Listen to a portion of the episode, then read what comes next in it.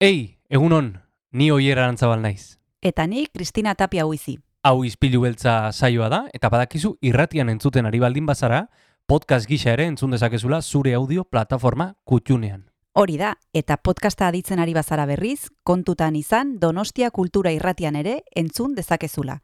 FM eundazazpi puntu lau frekuentzian. Sare sozialetan ere topatuko gaituzu noski, izpilu beltza bilatuta, Instagram, Facebook eta Twitterren. Besterik gabe, guazen gaurko saioarekin. Az gaitezen,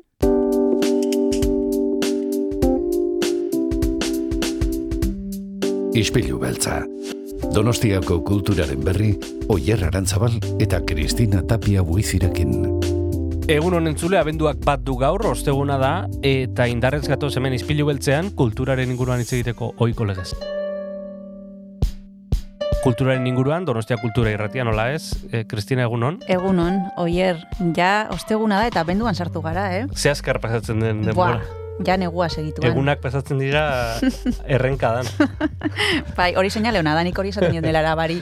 Oso azkar pasatzen bazaizkizu egunak, seinale hona da. Seinale izpilu beltza entzuten ari zarela eta, eta oso divertigarria zaizula. Gaur osteguna da eta antzerkia ez behar dugu, baina baita ere e, zinemaz. Bai, badekizue ostegunetan Josemi Beltran izaten dugula gurekin, Donostia Kulturako zine unitatearen zuzendaria da bera, eta kartzen dizkigu, ba, Donostian ikusi alditugun pelikulak, eta, bueno, karteleretan daudenak, eta, bueno, beti egoten da oso adi, Bai. eta berrikuntza guztiak eh, ekartzen ditu. Bai, e, zinemara joateko gomendioa esaten genuen atzo, e, beti esaten digu zinemara joan behar dela, e, gogoratzen digu ze garrantzitsua den zinemara joatea gure aretoak mantentzeko, eta noski ba, beti pelikulak ekartzen dizkigu, bai beldurrezkoak, eta bai e, ba, bueno, kartelerako mm, pelikulak. Esan dugu, zinemaz bai, baina antzerkiaz ere bai. Bai, Alex Gerediaga gonbidatu dugu, bera da kea ziaterreko zuzendaria, eta kasu hontan Winona and Grace izena duen lana aurkeztuko dute lugaritzen abenduaren iruan, etzi, e, arratsaldeko zazpiterdietan, eta kontatuko digute zer den e, aktore izatea, emakume aktore izatea Euskal Herrian, eta bueno, horren inguruan arituko zaigu. gai interesgarria, zalantzari gabe, eta, eta bueno, obra polita, bendoren iruan lugaritzen ikusi ahal izango dena, mm, beti esaten dugu, eta gero ere gogoratuko dugu, donostia kultura puntu eusen, sarrerak eskuratu nahi bali badituzue, bertan duzuela aukera, edo zein emanaldirako, bai Winona and Grace emanaldirako, bai beste edo zein emanaldirako. Besterik ez, hasiko gara saioa? Guazen Jon Gartziaren baimenarekin, astera gaurko izpilu beltza. Guazen.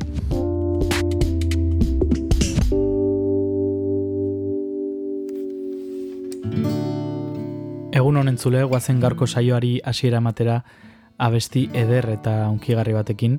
Jeff Tweedy Wilco taldeko abeslari eta kompositoreak low taldeko bateria joleari abesti eder bat eskaini dio, bertsio bat, eta entzungo dugu garko edukiarekin hasi baino lehen, hau da I Hear Good Night.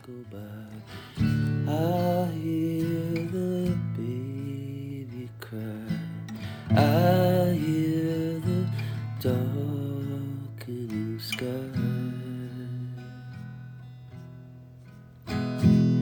I hear the windows shake. I hear the silence break. I hear the moon turn to blood. And it says,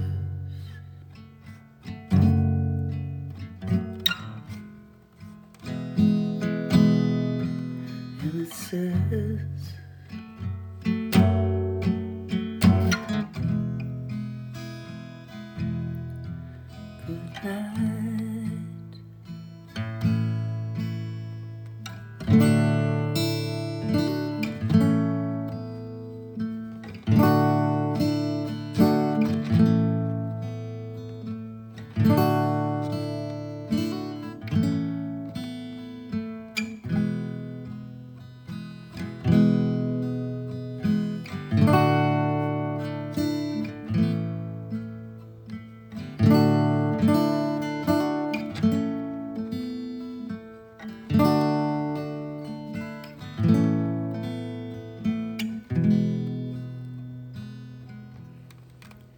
And it says,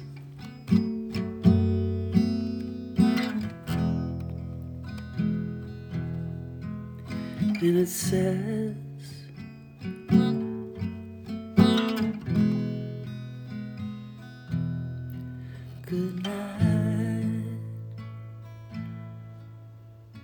Donostian danetik dago, e, kultura lorrean, oso ondo dakigu hemen, izpilu beltzean, e, badago zinema, badago e, musika, dantza, eta baita antzerkia ere. Antzerki pila bat eta kalitatezko antzerkia oier hori azpimarratzekoa da eta kasuan e, kia, kea ziaterreko Alex Gerediaga gonbidatu dugu, berak ekarriko baitu lugaritzera Uinona Angreis izena duen lana, proiektu ederra eta ausnartuko dute ba, zer suposatzen duen aktore izatea Euskal Herrian, aktore emakumea Hmm. izatea Euskal Herrian, et zer den arrakasta, ze pentsatzen dugun horren inguruan ere bai, eta ikusiko dugu ze elkarrizketa ederra izan dugun Alex Gerediagarekin. Kea ziater, Alex Gederiaga, jarraian hemen izpilu beltzean.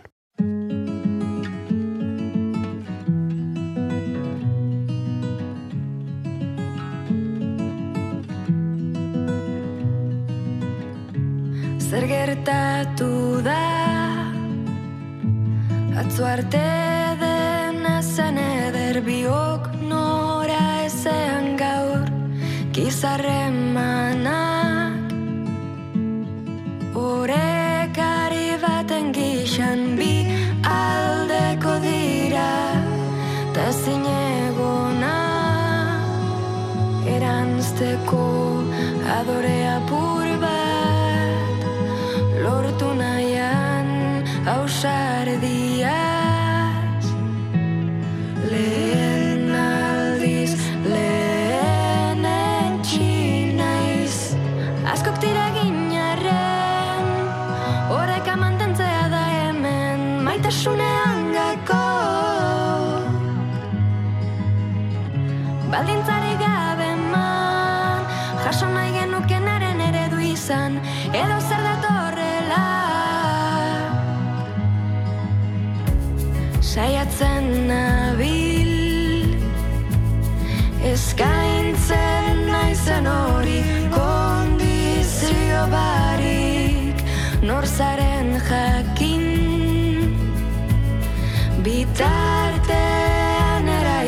eraikizune bat elkarrekin Zaila da oso. Beldurrez gaude eta denok Irribarre hau ez dago zai. Bizi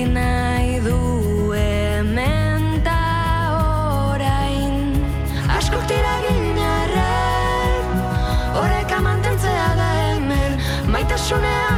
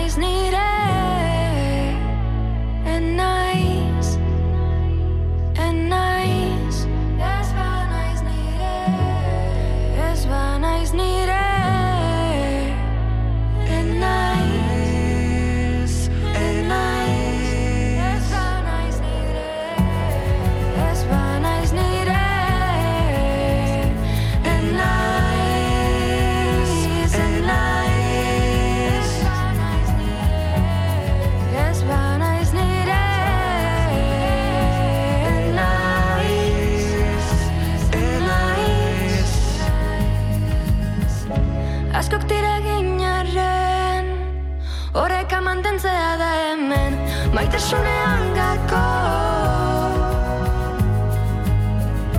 Balintzari gabe man Beste motxilekin ulerkorra izan Zainduz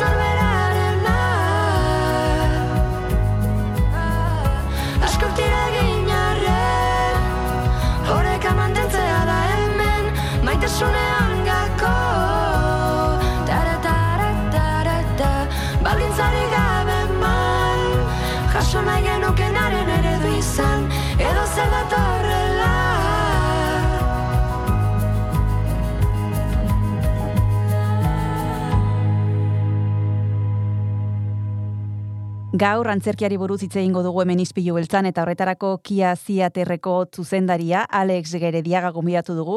Izan ere, abenduaren iruan, ekarriko baitu lugaritzera Winona and Grace eh, lana. Egunon, Alex, zer modu zaude? Egunon, bai, ba, ondo, ondo, asteburu, bueno, gogorra izan dugu, e, funtzioak izan ditugulako, eta baina, bueno, posik, eh, horre- horretarako egiten dugu lan, eh, eh, aurkest, ez lanak aurkestiko, eh. Hori da, eta oraingoan zatozte Donostiara Winona and Grace antzeslanarekin e, laburki esplikatzen badiguzu zer kontatuko diguzue e, lan honetan, Alex? Ba, batez be lan, lan honek hitz egiten du e, zer den emakume izatea, aktore izatea eta hogeta mar urte izatearen inguru hitz egiten du, ez? Mhm. E, adin horretan beti gertatzen da pizka bat e, amestu dituzun e, gauzak, errealidade bihurtzen direnean ez dira gauza berdinak izaten, ez?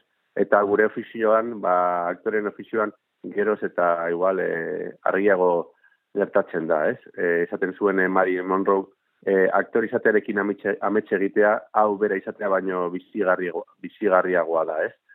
E, eta, bueno, e, pizkat hori da, igual, e, gaidek eta eta, bueno, e, garrantzitsuena, ba, zelako decep, no- nola, nolako decepzioak e, jaso, jasotzen ditugun e, pizkat e, bizitza aurrera doanean, ez? Eta kasu honetan aktore bi, e, bi, bon, bi aktore emakumene inguruan e, gertatzen da. Mhm. Eta nola sortu zen proiektu hau lantzeko ideia, Alex? Bi emakume, ak, bi emakume aktore, zergatik jarri nahi, zu, jarri nahi izan duzue fokua e, ba, egoera hontan edo, bai, Bai, e, ze, bai, Ba, ba, kasu, ba, e, kasu honetan, e, normalean, e, nik e, pizkat aukeratzen dut gaiak eta edo ez, ez badira enkarguak izaten, ez? E, arriak e, Macbethekin edo Facesekin egin duen moduan, e, ba, arriak esan zidan e, ba, obra horieke zuzentzeko, baina kasu honetan, ba, e, Ainoa Artetxe eta Grei eta Graziela Don ez- ezagutu nituen, e, aurreko lanean bideo bat egiten, eta bereak izan, esan zidaten, ea, bere ba, lagundu nien e, ba, proiektu batekin, eta, ba, eta azkenean, ba, proiektu hori e, Kea Theater konpainiarekin bere, bere ganatu egin genuen, eta beraiek aurkeztutako proiektua ba, gure egin genuen, ez? Gure ekipo talde artistikoarekin aurrera atera dugu, eta baina gaia bera, berez beraiena da. Beraiek eh, Madriden izan zirenei hori aktorei e, bos, interpre- interpretazioa ikasten, korazan uste izan zela eskola, eta antxe ikus, e, e, iru urte pasata, pasandoren ba, aurkitu zuten e, hori borazida edo kera, bez, e, jungla hori ez, e, ba, ba, berriz ere etorri ziren Euskal Herrira eta ja hemen hasi ziren e, lan egiten, baina bere beraien esperientzia kontatu nahi zuten. Mhm. Orduan e, beraiek egin zuten e, in- e, investigazio lan e, polit bat, eta pilo bat aktorei e, bere esperientzien inguruan, inguruan e, galdetzen, e, bai Madrilekoak, bai e, hemen dauden e, aktorei, eta beraiek egin zuten ere mm, hasierako bueno, testu bat, gero nik e, filtratu egin dudana, eta estenetan bihurtu dudana, ez? Aipatu duzu Madrileko boraginea, nik ezakit e, ikerketa horren ondoren emaitzak e, zein izan e, diren, e, oso diferentea da Madrileko egoera aktorentzat eta hemen Euskal Herrian e, dutena, edo ez? Bueno, en, eh, o sea, nik ez naz eh, Madrian ibili, ezagutzen dute handa bien jendea eta uste dute bueno, bai, o sea, ditudan referenteak guztik, adibidez, hasi txandiaren lagunana eta bera, berari ondo joan zaio, ez? Baina, bai, eske antxe harri batei pata bat emonez, e, e, eundaka aktore agertzen dira, ez da? E, Espainia osoko jendea juten dara bere aukera bere aukeraren bila, ez? Eta, ba, hemen bueno, pues, eh, ez dakit nik esaten da nahiago dudala izatea cabeza de ratón que cola de león, ez da? Eta, ze, bueno, bueno, ja, nik eh, hemen egin nire, nire, bueno, pues, nire ofizioaren eh, hori, nire trajektoria eta, eta hemen, osea, tranquilago bizi gara, eta gure egiten dugu, eta ez dakit, ere baldintzak ez dira txarrak, beste, bueno, beste tokitzetan konparatuz, to- toki konparatuz, eta bai, netzakoan, ez kriston eh, dago, eta bestera batera bizi, bizi egiten da ofizioa. Hori Mhm. argi daukat bai. Oraintxe bertan jarraituko dugu ofizioaren inguruan hitz egiten eta Winona and Grace lanaren inguruan hitz egiten, baina tarte bat hartu behar dugu eta oraintxe bertan itzuliko gara Alex Gerediarragerekin hitz egiten.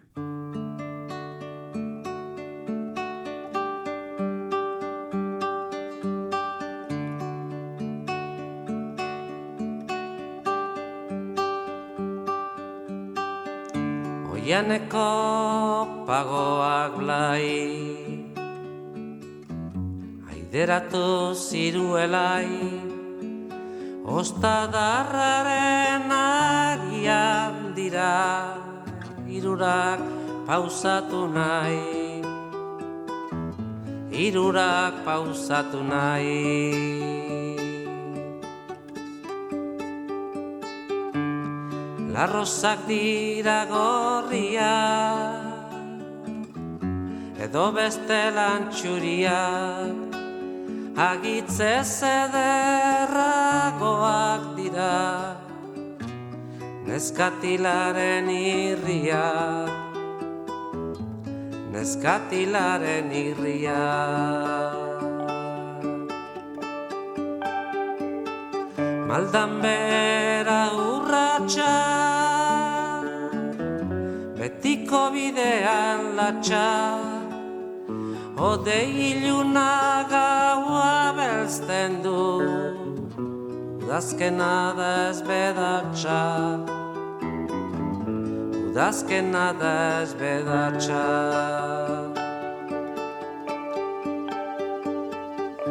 Usapala kostantzean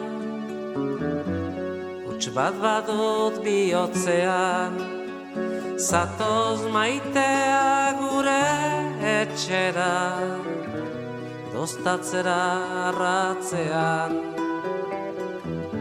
Dostatzera arratzean.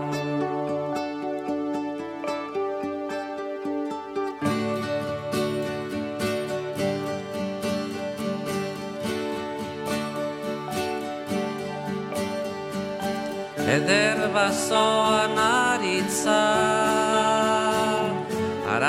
Aldean garitza. Fruituan zera ontzen da hemen Izaz hemen bizitza. Izaz hemen bizitza.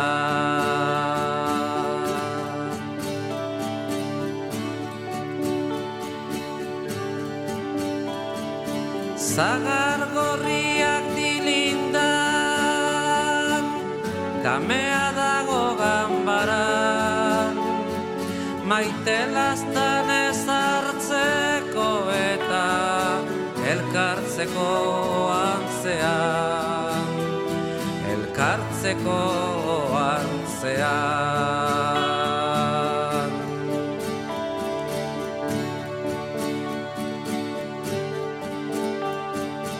Iluntasuna baitzen da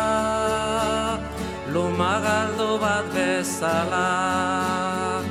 Begiak uso mingaina arana Zure bihotza enea ingura Zure bihotza enea ingura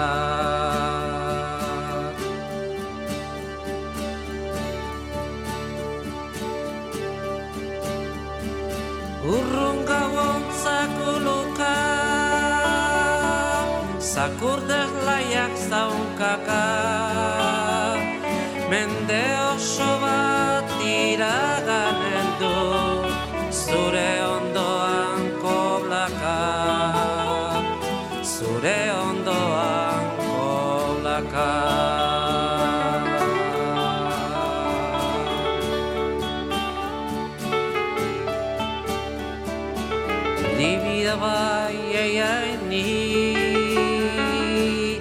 Doba dobi dobi ei Dabi doba dobi dobi ei na dobi Ni ei otzi ei na ei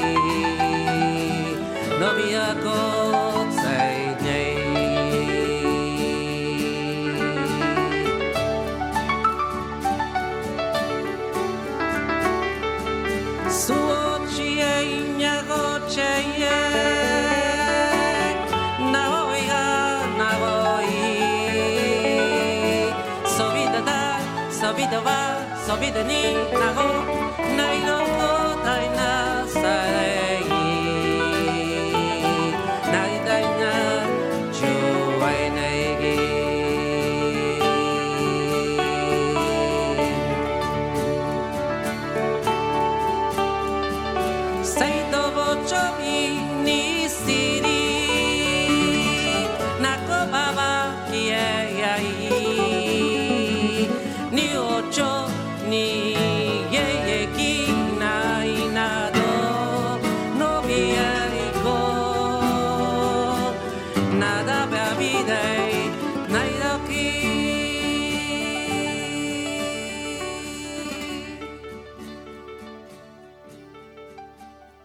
Donostia kultura irratian jarraitzen duzu, entzule hemen gaude izpilu beltzan eta gaur antzerkiari buruz hitz egiten ari gara eta horretarako gonbidatu dugu Alex Gerediaga, kea ziaterreko zuzendaria da bera eta besteak beste, e, bueno, eta beste kidekin idatzi du baita ere Winona and Grace e, lana, abenduaren iruan ikusteko aukera izango dugu lugaritzen. Aipatu duzu, ba, gaia e, dala emakumeak, emakume aktoreak eta izan ere protagonistak bi emakume dira, Winona and Grace, E, gustatuko litzaiguke Alex e, azaltzea pixka bat nolakoa den e, pertsonaia bakoitza, nola marraztu dituzue? Bai, ba, obraren e, guretzako e, gazarik eta berezien e, hiru kapa itxuela e, da, ez? Hmm? Pertsonaiak, Winona and Grace pertsonaiak, e, ba, e, pizkat islatzen dute e, bi aktore mota, ez? Ba, Graceek goia bat jaso du, e, arra, arrakasta lortu du, Mm. baina baina ez da zoriontzu. Mhm. Ez da zoriontzu. Eta bestaldetik Winona, ba, tabernan batean egiten lan, ba, aktore askok moduan, eta bere aukeraren bila dabi e, zuta fuego, ez? Eta bera oso konbentzitu dago agertuko zaiela aukera hori, eta, bueno, de repentian, e, ego, e, ba, goia, goia zarien galan ostean, e, apartamentu batean e, egiten den e, baten ondorioz, antxa aurkitzen dira beraiek e, iltsa, iltsaperatutak, ez? Eta hori da bizkata egoeraren eskusa edo egoeraren e, zera deskribatzen. Eta handik aurrera beraiek ba, em, e, haien artean ezagutzen hasten dira, eta eta pizkat pertsonai hauen e, zera, bueno, barrukoak ere aurkitzen ditugu, ez? Baina gero ba, o, claro, e, diltxaperatuta daudenez, antxe, ba, azkenean ere pelikuletara jolastuko dute, eta Telma y Luis, adibidez, edo e, Night on Earth, Noche en la Tierra, jarmuzen e, pelikulas, e, pelikularen eszenak ingo dituzte, eta hori beste kapa bat da, ez? Adibidez, pues, Telma y Luisen pertsonak egitea, eszena bat, eta bideoarekin ere asko jolasten dugu gainera, eta nahiko, nahiko txukunak eta politak geratu dira eszena horiek. Eta gero niretzako igual garrantzitsuena den e, em, zera, ge, e, geruza da, azkenean e, Ainoa Artetxe eta Graziela Donizei buruz atx- a- hitz egiten ari direla. Eta e, hori ere, e, ba, espe, e, bueno, publikoak ikusiko du momentu zehatz bitan nola hori azkenean e, ez dira Guinon eta Grace e, buruz hitz egiten, beraien esperientziai buruz ari direla iz, e, izketan, eh? hitz egiten. Orduan, hori da niretzako garrantzitsuena ze beraien egiarekin lotuta dagoen obra da, ez? Eta hori azkenean e, ba, asko laguntzen du e, ba, hori ba, emozioa e, pues, e, agertzeko eta eta jendeak ba, ala, ala jasotzeko, ezta? Hmm. Iruitzen zait, Alex, eta zuzendu oker baldimanago, em, egoera hau eta uinona angreiz eta bi e, gorpuzen duten e, bi emakume hauen historia e, edozein lekueta, lekutara eraman dezakegula, edozein lanbidetara, ez? E, esan dezu e, arrakasta izan duen emakume bat, baino ez dena zoriontsua, gero e, taberna batean lan egiten duena, baino bueno, beste e, modu batera enfokatzen duela bere ibilbidea, e, edozein pertsonetara ekar dezakegu historia hau, edozein lanbidetara? Bai, hori hori argi geneukan, ez? E, bueno, ba, beraiek bere bere ofizioare bere ofizioare buruz esketan baina hau edo zein ofiziora edo bezen egoera egoerara e, isladatu daiteken zera da, ez? Errealidadea da, ez?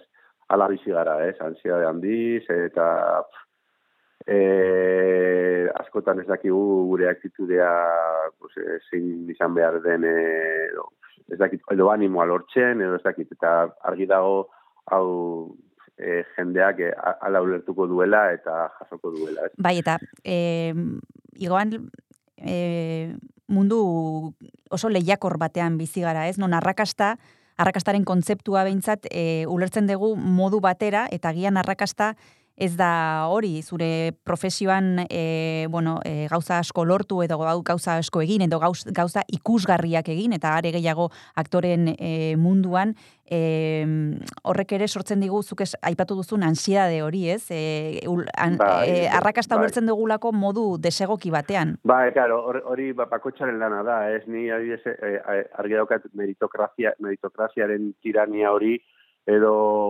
hor be- beti egotia hor txegoian eta beti ba, e, pizkat, hori, arrakasta horrela ulertzea, pues, nire, ba, e, nire osasunaren kontra joa, ez? Azkenean, uste dut, e, baita ere adinarekin, ulert, ulertzen duzula hori, ez? Bueno, uste dut, e, eta nire, nire adibidez, e, niretzako oin arrakasta eta gero obra hau egin ondoren gainera, segur, eskat gaia agertu delako, ni konturatu naiz, e, ogibidean egoteko modua dela, e, nire taldearekin e, lan egitxea eta honetaz bizitzea eta lan egitea izatea, ez? Ez lortzea lako sariak edo gotea Hmm. horren la kresta de continuo, ez da? Ba, itxa gauzak posik, politak, eta, bueno, bos, e, daukagun hobea emoten, baina ez dugu hori, bueno, hori, hori e, aipatu duzun arrakasta mota hori jarraitu behar, ez? Beti hor egotia, e, hori. Eta uste dute ere, sare sozialak ere pizkat hori. Hori eh, bultzatzen dute, ez da? bultzatu dutela, bai, beti egon behar zea hor eta hor eta hor eta oso, oso, bai, ne- nekagarria da eta ansiedade asko, e, e, bueno, sortzen dute ez. Mhm. Bai, eta batez ere gazteengan, ez, ikusten ari gara, ba, azken hilabeteotan albisteak e, horrekin lotuta, e, nola ba, hainbat e, sare sozialek e, sortzen duten, ba, bueno, e, eritasun mental asko, eta, bueno, e, oso zaila daukagu hortik e, ies egiteko. Bai, argi dago, argi dago, e, oin, claro, eske bizitza pizkat, e, alde e, guztietatik e, harin egin da, ez? Dana fa, harin izan bar da, e, gauzak, ez dago, ez, ez gara geldi egoten, ez dago alako pausarik, ez dago sakonta, sa- sakontzeko denborarik, eta dana dela, dana da, fu, fu, fu, fu, fu. Eta, e, bai, bizitzaren e, hori, abiadura asko asko igo ezta? Bueno, ba, oraintxe bertan jarraituko dugu Uinona Angrei Sánchez Claranarekin inguruan hitz egiten Alex Gerediarekin, bigarren tartea hartuko dugu eta jarraituko dugu oraintxe bertan izpilu beltzan.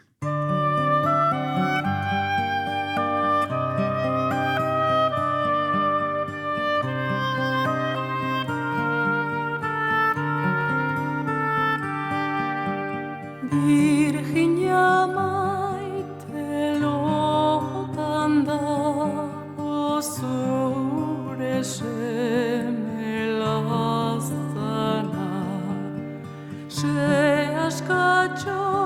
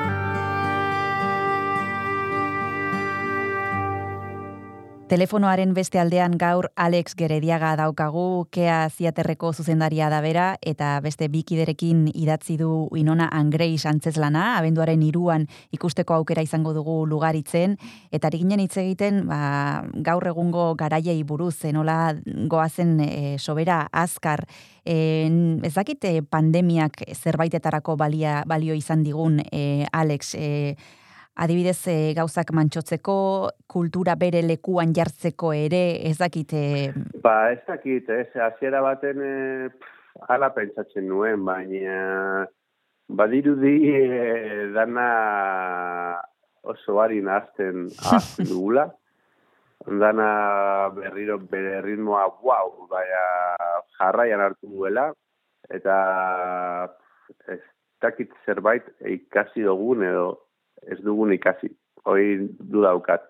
Gure kultura, ba, guk izan du genuen esperientzia pandemian ez izan zen, bueno, bentsate, antxokiak bakarrik tabernak eta eta itxita zeude, zeudenean, ba, jende pilo bat, e, e, hori, ose, urbildu zela antxokietara, nahiz eta foruak ere murriztu, murriztuak egon, baina gero bueltan, klaro, ja jendearen beharra izan da kalean egotia, tabernetan egotia, eta publikoare publikoan ere hori nabaritu izan da.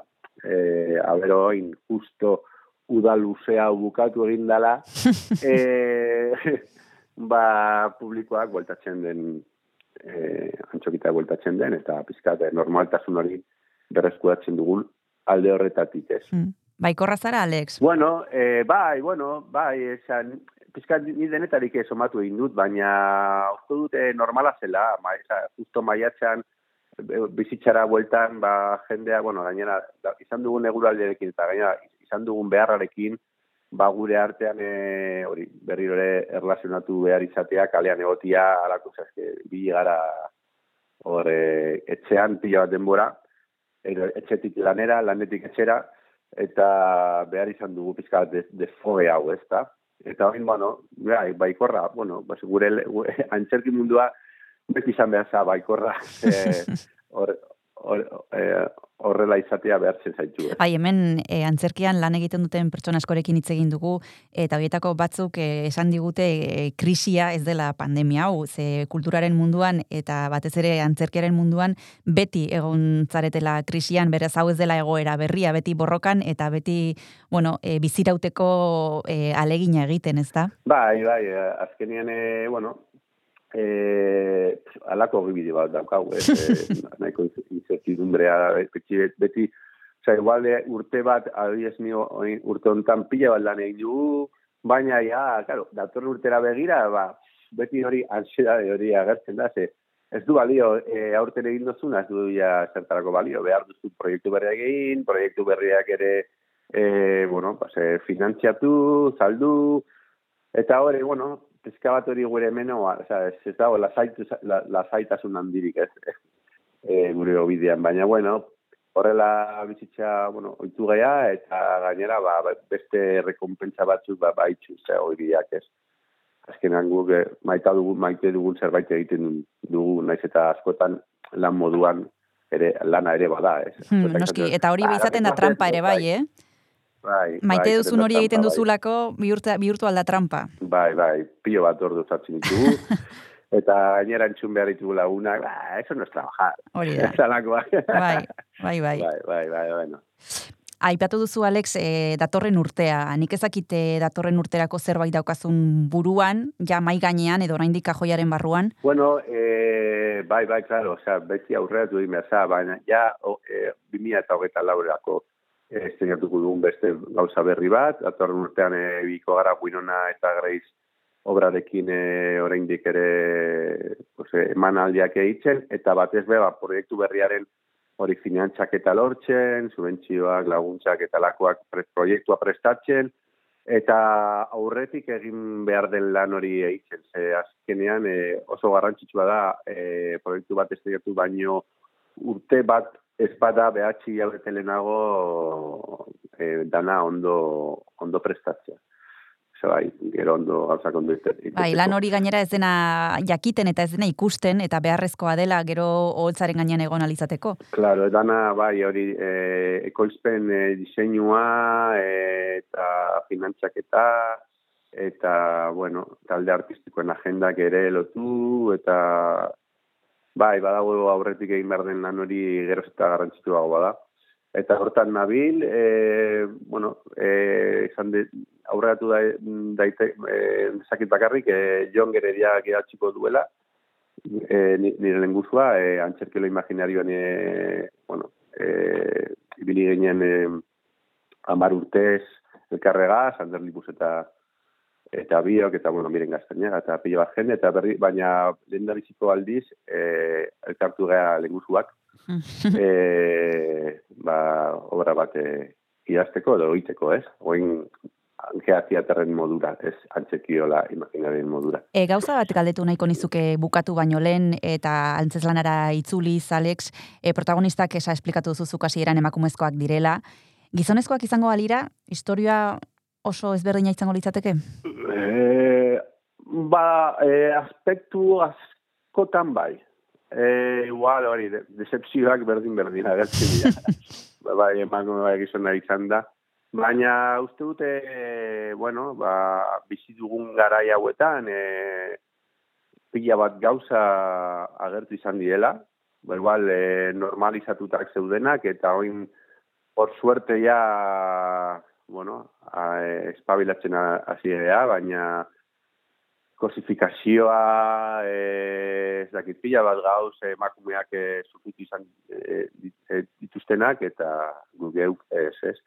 Ez dugu hor, e, fokua hor, hortan e, jarri, baina hori ere agertzen da. Osea, ez dugu alako pankartarik jarri, baina pixka bat niretzako e, hori e, gai horiek emakumeen txa- emakumeen guru e, bereziak diren gai, e, gai horiek agertzen direla, baina ez dela da, lupa jartzen, esan da rebendikazio moduan ez. Agertzen da, errealidade bat izan dalako, edo errealidade bat delako indik ere ez, oraindik ere kasu askotan. Baina bai, badaude, bai, seguru, bai, badaude ezberdintasun asko, bueno, beraiek ho- horretan lagundi didate, ez, ez, ez, ditut eh, emakumezkoak sufridu, baina bai, bai, netxako bai. Bueno, ba, entzulei gomendatuko diegu nahi izan ez gero eta izan ez gero abendaroen iruan lugaritzera joateko arratsaldeko zazpiterrietan, bertan aurkituko dute Winona and Grace lana, kea ziedaterren azken proposamena. Eskerrik asko, Alex Gerediaga izpilu beltzara urbiltzeagatik, Bai, daitezela. bat, eta hurrengora arte. Bai, etor daitezela, ze divertigarria da, emozionantea, tiernua ere bada, eta niretzako oso, oso ondo, oso ondo e, joaten ari da obra, eta jendea oso, oso posikipetzen da, eta politxa, politxa beretan politxa da. Ba, eskerrik asko eta horrela izan dadila hemen donostian ere. Urrengora arte. Vale, ba. Agur. Eskerrik asko, agur.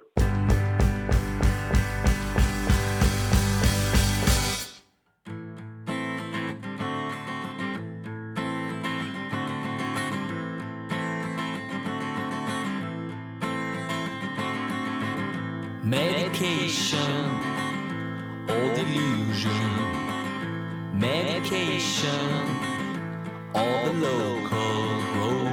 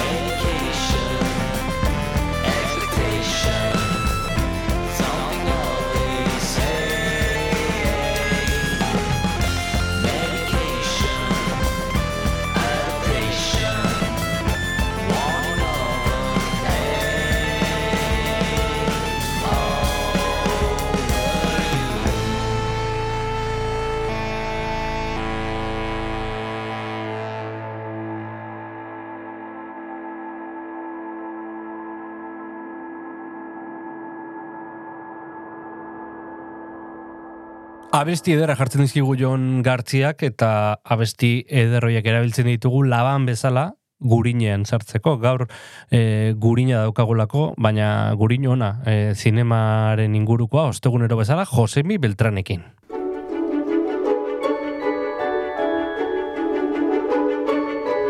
Azpitituloak, subtitulos, Josemi Beltranekin. Josemi, egunon? Kaixo, zelan, egunon. Primeran, ja abenduan sartuta, eh, hotz Ai, pixka, da. hotz pixkatekin, baina, baina ondo. Hala ez dugu gabonetako filmei buruz hitz egingo, ez, aurten ez. Aurten ez, aurten eh, gurera, jarraituko dugu gurean, ezta? Naiz eta badakizuela, badakizue hori, badagoela orain mugimendu bat, e, hori, gabonetako filmak mundialaren kontra jartzeko, e, Ah, mundialaren aurka Ah, bai. jartzeko egonda mugimendu bat zareetan. Bueno, ni orduan eh, gabonetako filmen alde, eh? eh mundiala eta Vale. gabonetako filmen artean, gabonetako filmak. bueno, aukeratu behar bada, Grinch, Grinch, eh, eh, mundiala, eh, mundiala hil zuen animalia. Eh?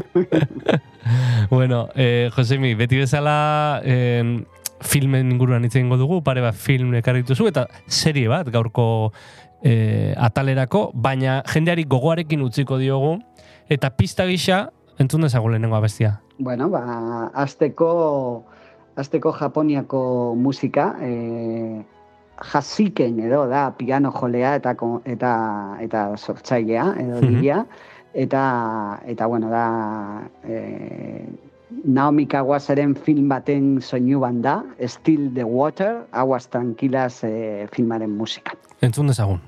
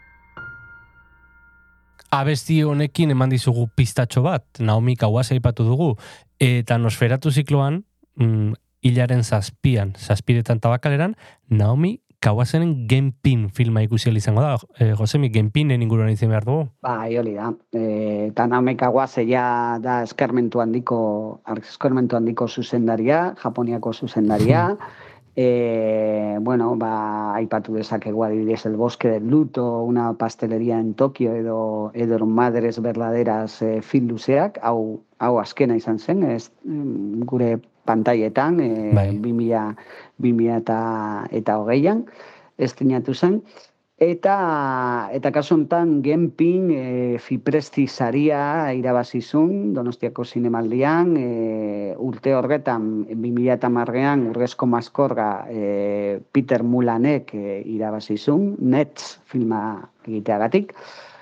Baina Genpin filmean, e, bueno, ba, dokumentala formatu hau keratu zuen e, zuzendariak, bera, Naomi berak da protagonista, eta sentsibilitate handiarekin kontatzen du, ba, bueno, ba, mere amatasun eta erditzearen prozesuaren, ba, bueno, esperientzia. Mhm. E, erditzea, erditze naturala, e, baita ere, bueno, ba, erligioso edo mistiko puntu bat badago kondaera, handik gogoratu nun ikusi nuela e, festival horretan, edo zinemaldi horretan e, pasea, eta bueno, Ba, bueno, denetik egon zen, e, kritiken artean, baina, baina niretzat, e, ba, bueno, filmak e, bueno, jarraitzen du interesgarria izaten, eta eta saltzen du zemotatak, zemotako, bueno, sensi- sensibilitatea daukan e, kaguasek, ezta? E, beti, beti, bueno, ba, Japoniako zuzendari, azkenengo urteetako zuzendarien artean, ba, bueno,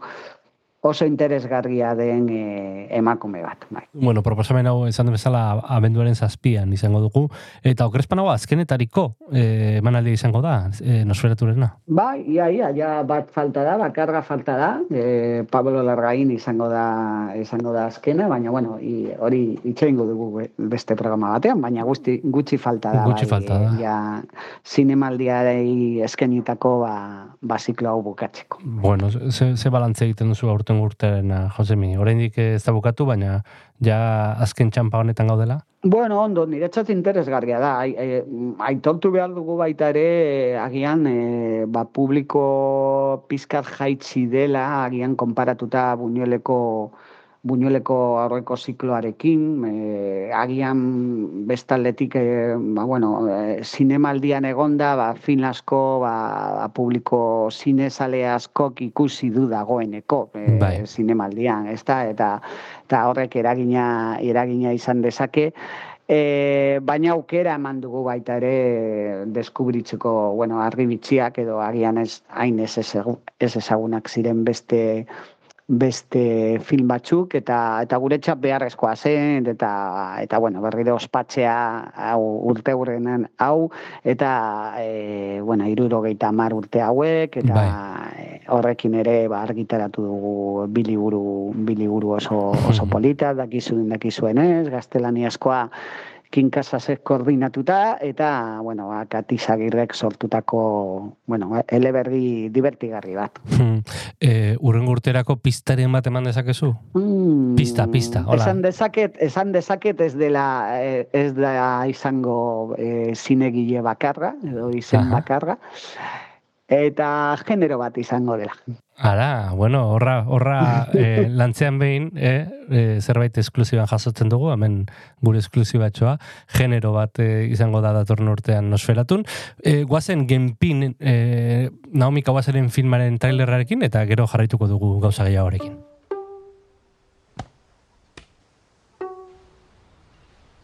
私はここで一人目を産んだけど、お産のね思い出すのがすごい好きなの 自分が妊婦のお腹をしてるのが誇りに思えてくるっていうか。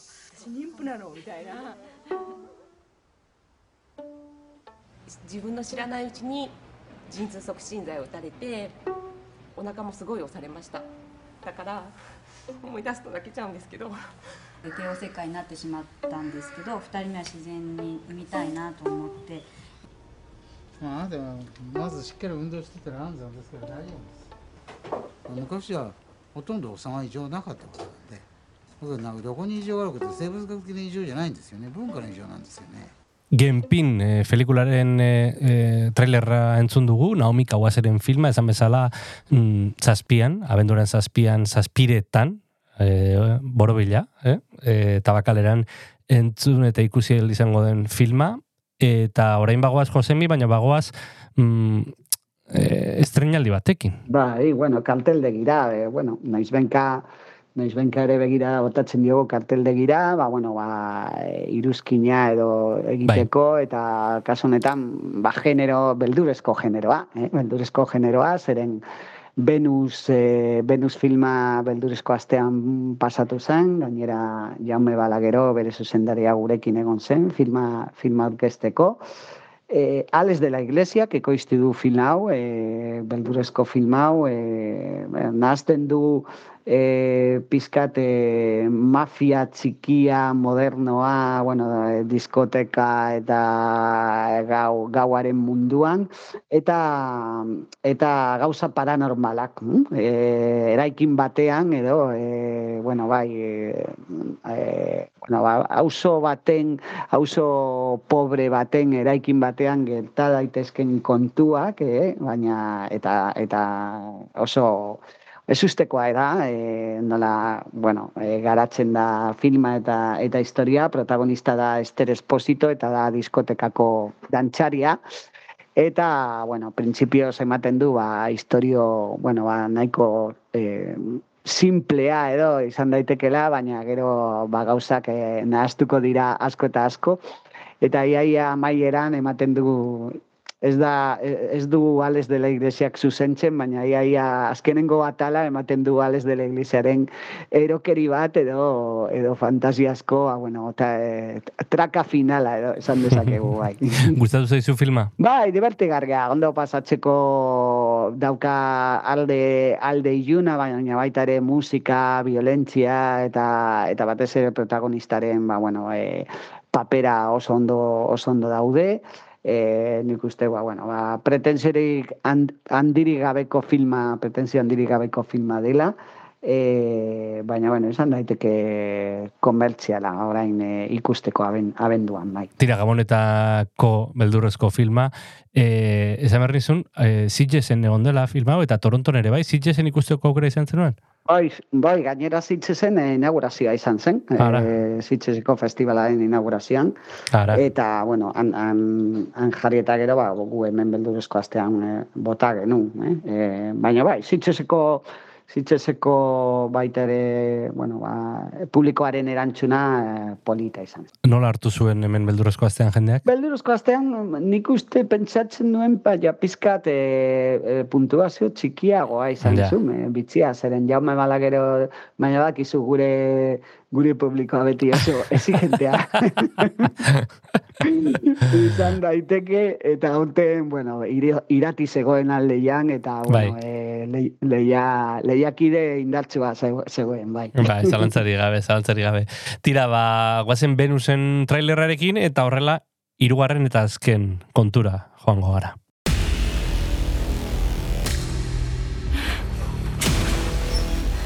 Lucía se ha metido en un marrón muy gordo. ¿Qué coño es esto, Lucía? Ni Dios la ha visto. La chica está ahí. ¿Dónde ha sacado todo esto? Son regalos que me trae ella. ¿Y quién es? La sirvienta. Todos acaban yéndose de aquí. No la escuches.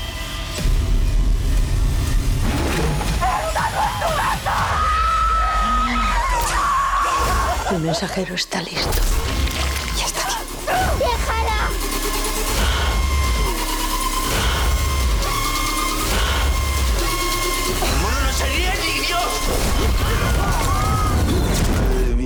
Has liado. Pues si solo tenías que bailar. Estoy bailando.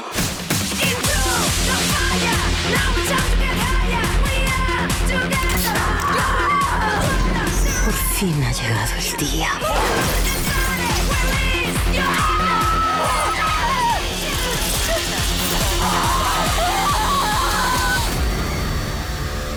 Vamos a bailar.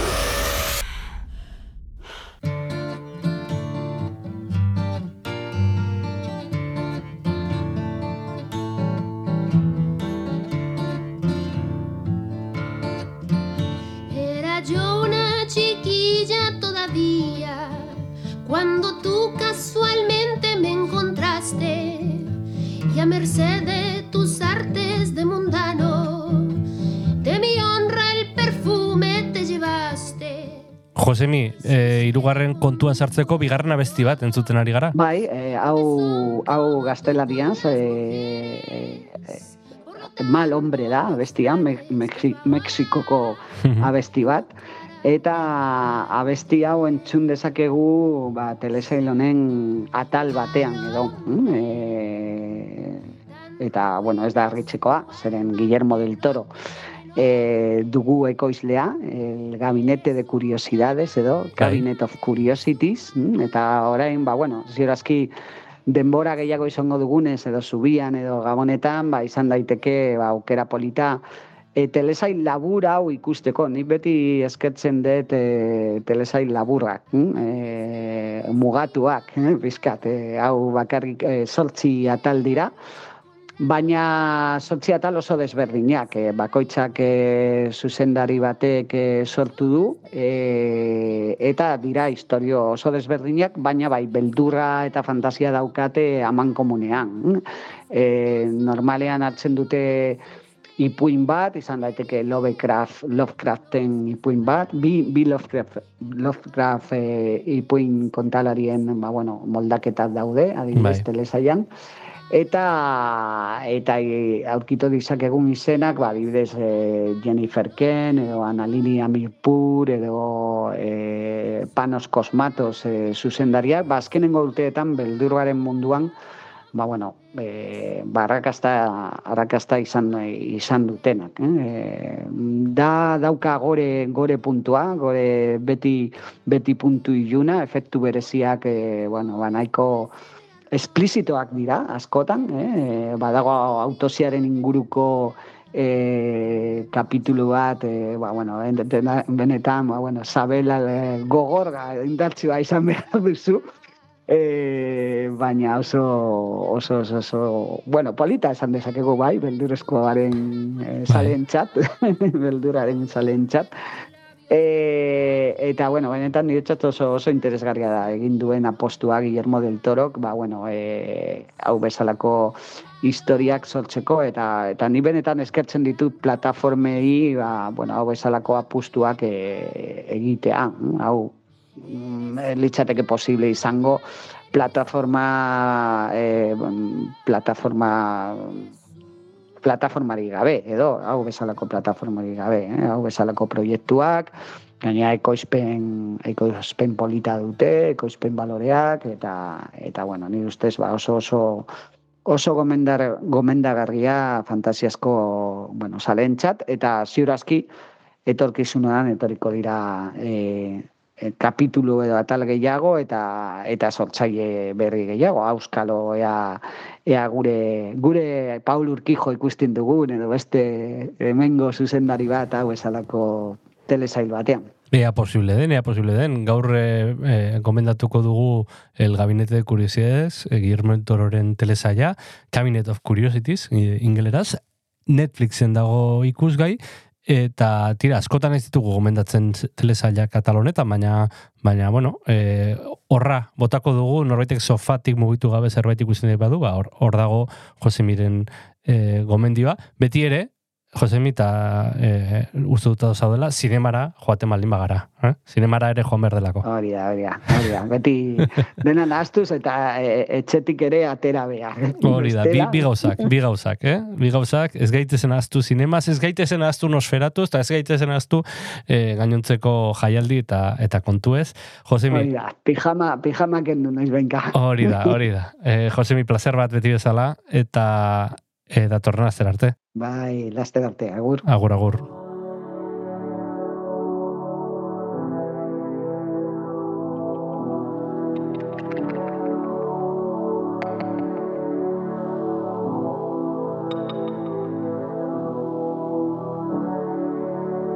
a miracle.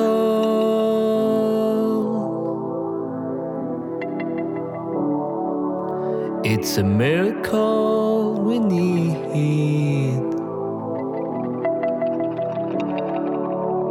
I still recall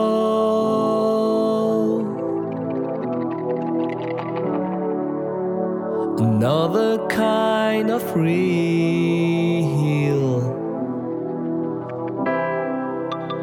Let it come closer. Knock on the door.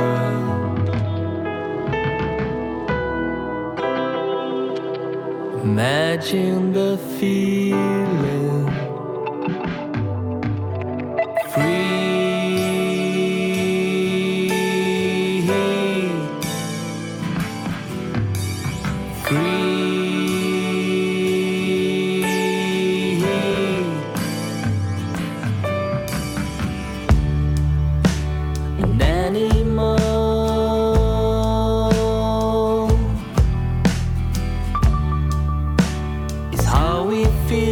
for a heel. Isn't it uneasy?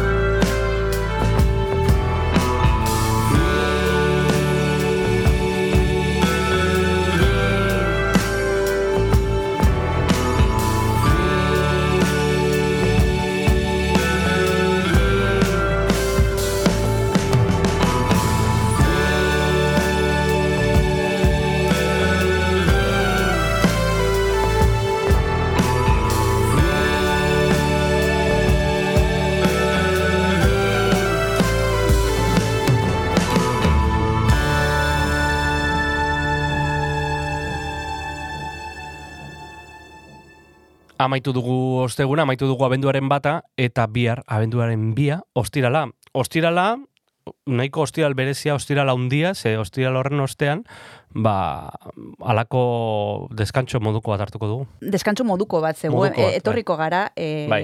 jai ez diren egunetan. saioa egongo da. Ze hor bi jai egun daude, baina hiru lan egunak dira. Orduan, hor egongo gara. Baina, bueno, guazen lehenbiziko biharkoa iragartzera, badekizue ostiraletan literaturari buruz e, aritzea gustatzen zaigula, eta bihar etorriko da Ruben Bidal, komiki bat ekarriko du, Teresa Balerok e, egindakoa, bai marrazkiak eta bai testua, izena du Kontrapaso, Los hijos de los otros, eta gainera Mafalda Saloio izango dugu, bera ikastaroak eskaintzen ditu Donostia kulturan, e, Cuerpo y movimiento expresivo eta teatro gestual El placer del juego, izena naute biak, eta hori guztia bihar izango da, oier.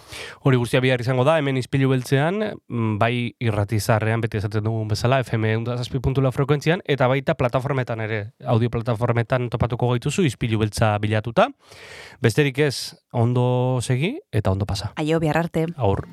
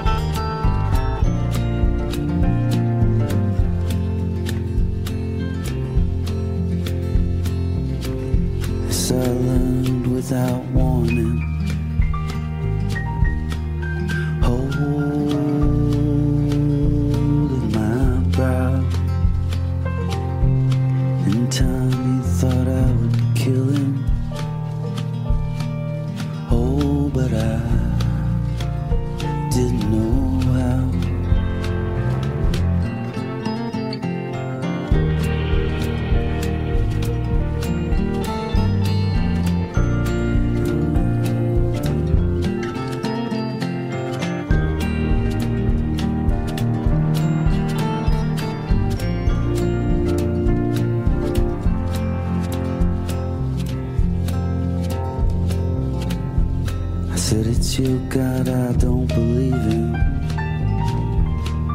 No, your Bible can't be true.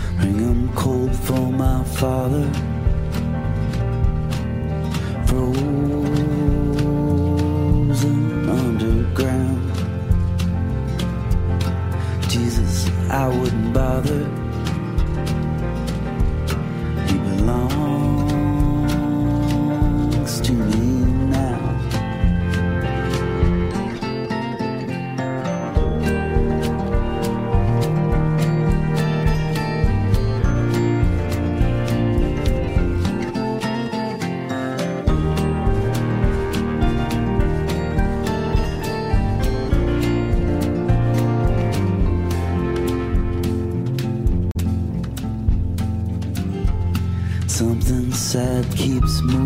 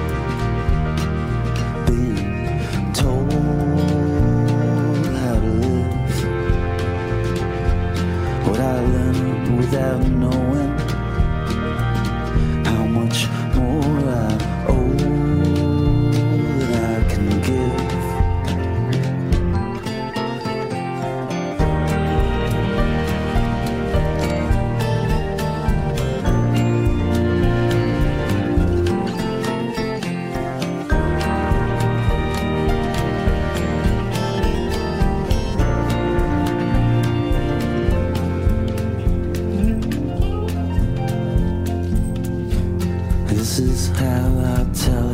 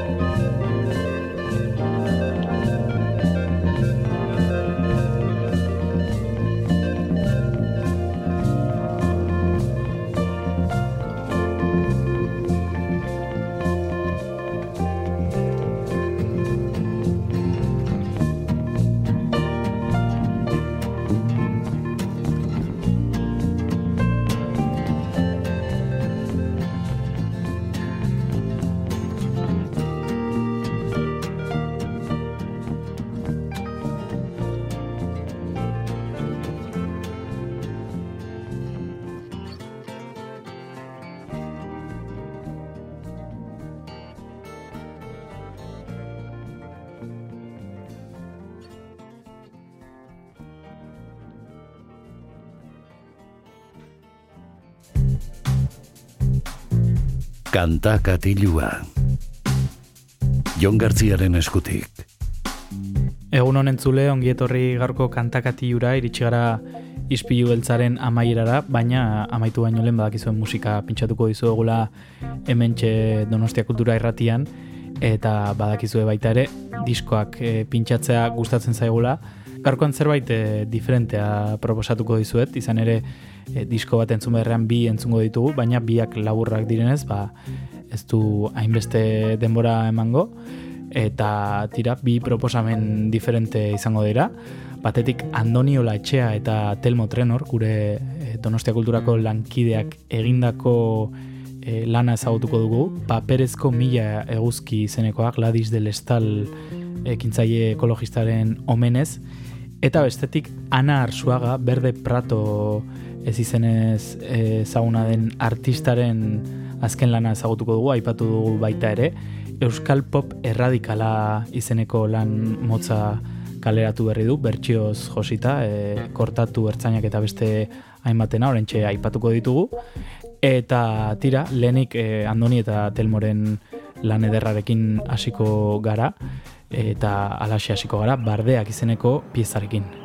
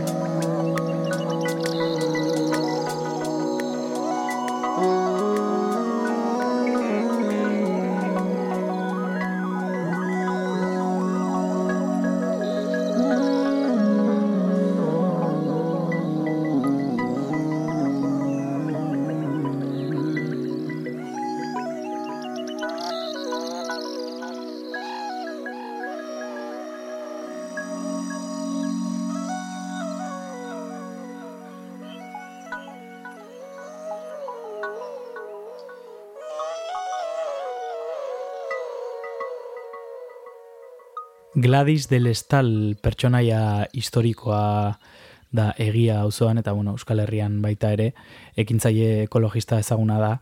Eta Andoniola Etxea eta Telmo Trenor musikariek e, omenaldia egin nahi izan diote ezagutzen ari garen lan eder honetan. Paperezko mila eguzki izeneko EPA e, lan laburra hain zuzen.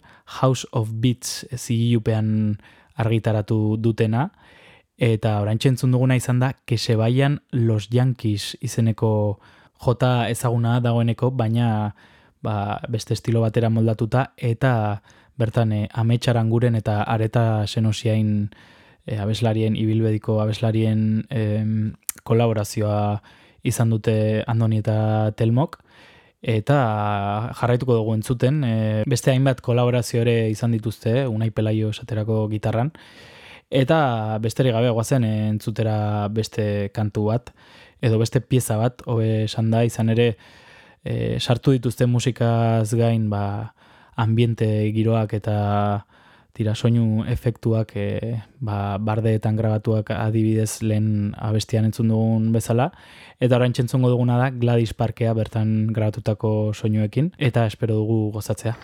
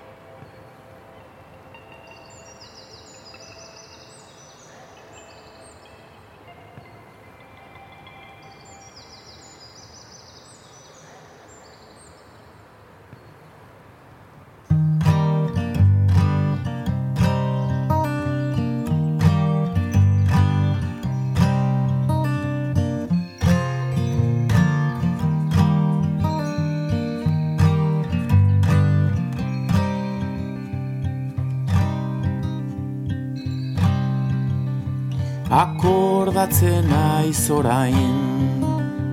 Amakumean intzela Gladisen historioa kontatu oizidala.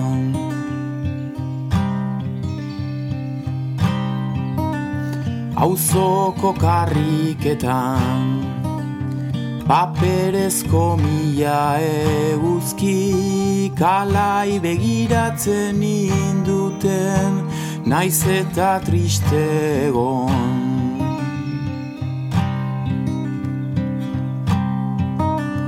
Ekainak iruko izotza Biaramuneko bihotza Bizia egin zizuten motza. Azida zuaitzean ostotza Parke kolore derrenari entzun diot gaur zure ahotsa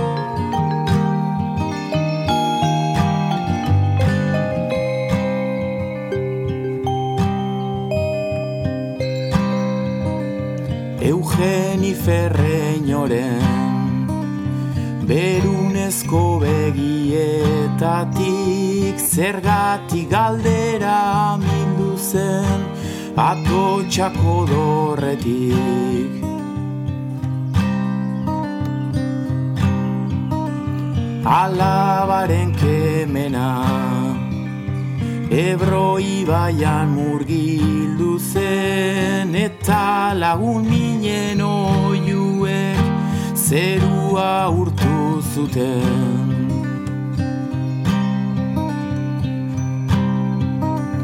Ekainak iruko izotza, biaramuneko bihotza, bizia egin zizuten motza. Azida zuaitzean ostotza, parke kolore derrenari entzun diot gaur zure ahotsa. Parke kolore derrenari entzun diot gaur zure ahotsa. Zure ahotsa.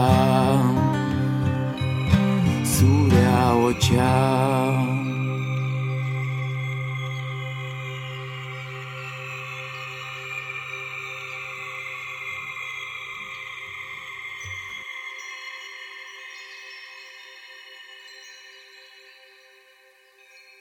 Entzun dugu paperezko mila eguzki izeneko kantu benetan ederra eta unkigarria Andoni Olatxea eta Telmo Trenorren paperezko mila eguzki izeneko lanetik. Eta laxe amaitu dugu lehen lana, gaur entzun behar genuen lehen diskoa eta beraz joazen bigarrena ezagutzera.